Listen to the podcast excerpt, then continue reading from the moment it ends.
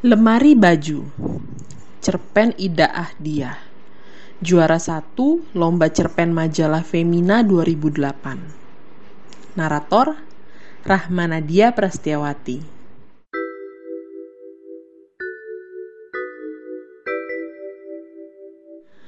Jantung Arini berdebar-debar. Matanya berkilau-kilau kala melihat lemari lapuk itu Lemarinya berwarna coklat tanah musim kemarau di bulan Juni. Buram berlapis mili-mili debu. Tingginya satu setengah meter. Di setiap sudut atap lemari ada tonjolan besar sebesar bola kasti. Lemari itu memiliki dua pintu. Pintu pertama dalamnya memiliki lima undakan untuk meletakkan baju-baju yang dilipat. Di dalam pintu kedua ada batang kayu memanjang untuk menggantung pakaian. Lemari itu berdiri di sudut toko barang antik, beraroma kecoa dan tikus. Namun Arini memeluknya, menciumnya, seraya mengatupkan matanya. Dibukanya lemari sumringah. Segerombolan kecoa kalang kabut. Arini tidak apa-apa ia mengibas-ngibas kecoa yang merayap di betisnya. Tom, aku sudah menemukan lemari yang kucari. Bisik Arini gemetar, gembira pada calon suaminya. Tom tengah mengamati lemari jati berdesain sederhana, berpintu tiga tanpa ukiran. Satu setel dengan tempat tidur di sampingnya. Meja rias kecil bercermin bulat. Aku suka ini, ujar Tom. Tapi lemarinya aku suka yang ini. Arini mengetuk-ngetuk lemari mencari perhatian Tom. Tua, reot, dan sarang kecoa itu untuk kamar pengantin. Tom menengok dan tergelak mengira Arini bercanda. Arini menggeleng. Aku mau lemari ini untuk kamar pengantin kita, katanya tegas, memelas, nyaris hendak menangis. Tom menatap calon istrinya terheran-heran. Kamu serius? Arini mengangguk cepat, meremas jemari Tom, kemudian berkata, Kau yang pilih tempat tidur dan kaca riasnya ya? Tom melihat benda-benda pilihannya, lalu beralih menatap lemari pilihan Arini. Perhatikan, Rin, apakah tempat tidur dan meja rias pilihanku serasi dengan lemari pilihanmu. Untuk serasi, jangan hanya lihat desainnya, lihat juga karakter kayu yang saling menghidupi yang bisa memberi kita energi. Hmm, Tom meneliti kayu itu mencoba menangkap energi yang dikatakan Arini. Lihat, masing-masing kayu memiliki tekstur berbeda beberapa potongan bahkan tak sempurna. Mengingatkanku bahwa yang sempurna hanya Tuhan. Arini mengelus benda-benda tersebut. Rin, kita terbiasa berpikir bahwa serasi itu berhubungan dengan warna, ruang, dan penataan. Bagaimana dengan sejarah? Memandu benda tua dan baru secara usia tidak serasi, tetapi sejarah mungkin serasi dengan pemiliknya. Benda tua memang membawa kenangan indah, buruk, menyesalkan. Benda-benda baru memahami perjalanan yang mungkin tertunda, gagal, belum selesai. Rin, kamu bicara apa barusan? Arini tertawa. Setuju kan membeli lemari itu? Kita minta tukangnya untuk membersihkan, membenahi kaki yang patah, Aku suka bau jati tua. Bagaimana kita menjelaskan kepada orang tua? Tom masih belum percaya Arini ingin membeli lemari yang berdiri doyong itu. Kita cari kata-katanya nanti.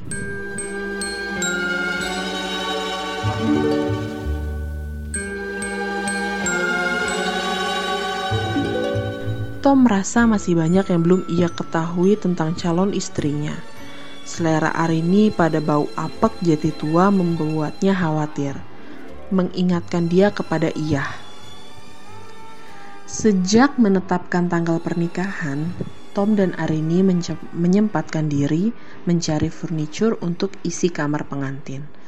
Keduanya sepakat memilih kayu jati. Meski mahal, tapi anti rayap dan tidak pernah ketinggalan zaman. Nyatanya sulit menemukan furniture jati yang sesuai untuk rumah mereka yang minimalis. Tiap akhir pekan, Tom dan Arini keluar masuk toko mebel dan mendatangi pameran belum satu pun yang memenuhi selera mereka berdua. Tom pernah ingin mengalihkan angan-angannya untuk memilih furniture berbagai minimalis dengan warna-warna klasik yang bukan kayu jati. Arini mengatakan tidak. Alasannya, benda-benda itu pasaran. Sabar, kita perlu mengalihkan pencarian keluar kota. Di pinggir jalan, biasanya ada toko-toko mebel Jepara kita pesan dan desain sendiri. Belum Arini selesai bicara, Tom menyela. Model-model itu juga umum dan pasaran. Ingat, kita pernah menemukan model kursi dan lemari yang sama di rumah Rusli dan Endah. Dua kali lagi kita mencari. Setelah itu, tempat tidur dan kaca rias kau yang memilih. Aku memilih lemarinya. Setuju? Lemari macam apa? Lemari macam Arini berupaya keras berpikir. Nanti kujelaskan setelah kutemukan sambungnya. Bagaimana dengan tawaran ibu? Tom diam-diam mulai lelah menyerah. Ibu pernah menawari Tom tempat tidur, lemari, dan kaca rias berwarna sawo matang peninggalan zaman kolonial yang pernah dipakai untuk kamar pengantin nenek dan kakek. Jatinya ditebang dari perkebunan jati di Kunduran Blora. Tempat tidurnya besar, berukir dengan tiang di setiap sudut untuk meletakkan kelambu. Ibu masih merawat kelambu tua, putih gading dengan pengait berbentuk bunga kenanga, yang terbuat dari kuningan. Meja rias yang ibu tawarkan memiliki tiga kaca. Lemari pakaiannya berpintu tiga, berukir bunga dan daun. Arini tegas menggeleng. Benda-benda lama peninggalan itu indah dan sangat berharga, tetapi benda-benda itu tidak mewakilkan kita. Rumah kita akan sesak. Tom membelai-belai rambut Arini dan berkata, Aku tak keberatan jika kamar pengantin kita diisi dengan kamar tidurmu. Aku tak menyukai benda-benda di kamar tidurku. Aku hanya menyukai lemari baju di kamar Iya. Bawa saja lemari itu, sisanya kita beli. Lemari itu sudah tidak ada lagi. Ibu membuangnya. Membuangnya? Arini mengangkat bahu, menyembunyikan wajahnya dari pandangan Tom. Membuangnya kenapa?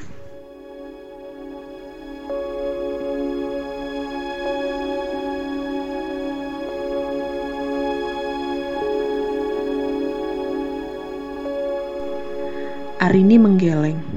Siang itu pulang sekolah, aku tidak menemukan lemari baju di kamar Iya. Juga tak menemukan di Iya. Iya siapa? Pembantu keluarga kami. Apa yang terjadi padanya? Arini mengalihkan topik pembicaraan. Ah, itu tidak penting. Sekarang kita putuskan.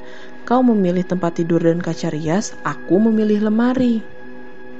Rin, aku tertarik untuk tahu tentang ia. Dia pengasuhmu yang setia. Dia terlalu lama termenung. Tom tidak tahu Arini pergi dari sisinya. Tom celingukan, lalu dengan matanya ia susuri lemari demi lemari tua yang ada di toko barang antik. Arini tak terlihat. Ia bertanya pada tukang yang sedang mengamplas kursi. Mungkin kamar mandi, katanya. Tom menuju kamar mandi, memanggil-manggil nama Arini. Tidak ada jawaban. Ia buka pintu kamar mandi, tidak ada siapa-siapa. Lalu ia mengecek ke halaman. Pikirnya Arini ngambek karena ia menertawakan pilihannya. Arini tidak ada di sana. Tom kembali ke toko barang antik. Arini tak mungkin melarikan diri, pikirnya. Ia berjalan perlahan dari satu lemari lapuk ke lemari lapuk lainnya ia berhenti dekat lemari pilihan Arini. Tom tak menemukan calon istrinya. Bang, betul tak melihat Arini. Tom mulai dirayapi rasa gelisah. Telepon saja handphonenya, Pak. Ups, Tom menepuk dahinya, merasa tolol. Terima kasih, Pak. Hai Rin, kamu di mana? Tom lega mendengar balasan hai dari Arini. Aku di... Tom meletakkan telinganya ke lemari pilihan Arini. Rin, Tom berteriak, tercekat. Tergopoh-gopoh, ia membuka pintu lemari. Ia terpana terenyuh menyaksikan Arini duduk memeluk lutut di dalam lemari, di antara kecoa yang berseliweran. Ren, bisik Tom tersendat, menelan ludah. Ia masuk ke dalam lemari mengambil tempat di sisi Arini, membawa Arini ke dadanya. Air mata Arini tumpah. Ia menempatkanku di lemari seperti ini tiap ibuku menjerit-jerit disiksa bapak tutur Arini di antara sedu sadannya. Tom merenggangkan pelukannya, menyempitkan matanya, menatap Arini lekat-lekat. Lantas ia terseduh-seduh di bahu Arini.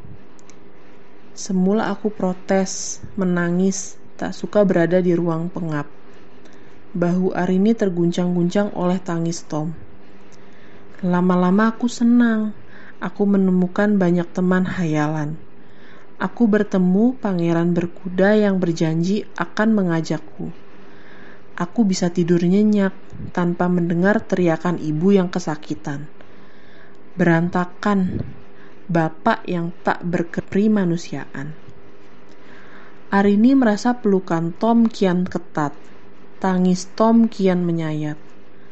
Arini tak mengira kekasihnya mengikuti kesedihannya begitu dalam. Satu malam, Arini menghela nafas. Aku tertidur di lemari. Entah jam berapa aku terbangun mendengar ia menangis dan minta ampun. Aku mendengar suara bapak. Di sela tangisnya Tom berteriak.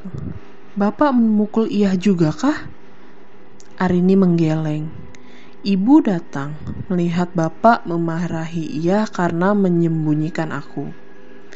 Ibu lalu menemukanku di dalam lemari. Sudah kuduga, ujar Tom.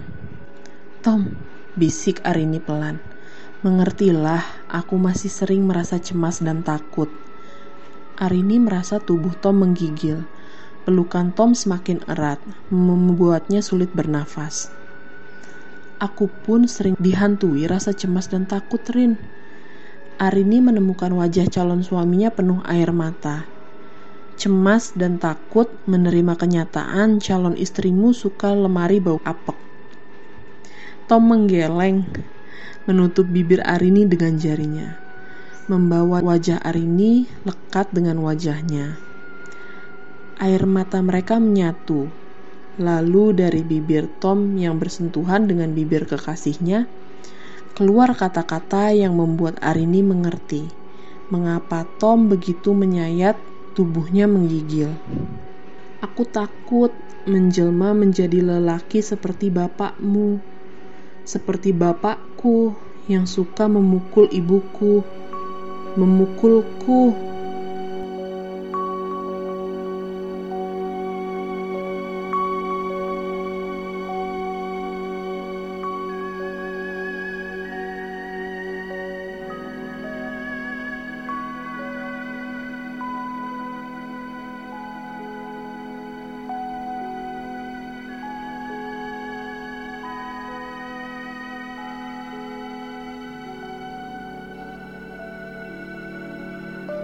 Sastra suara ini hasil kerjasama divalitera.org dan Tokopedia.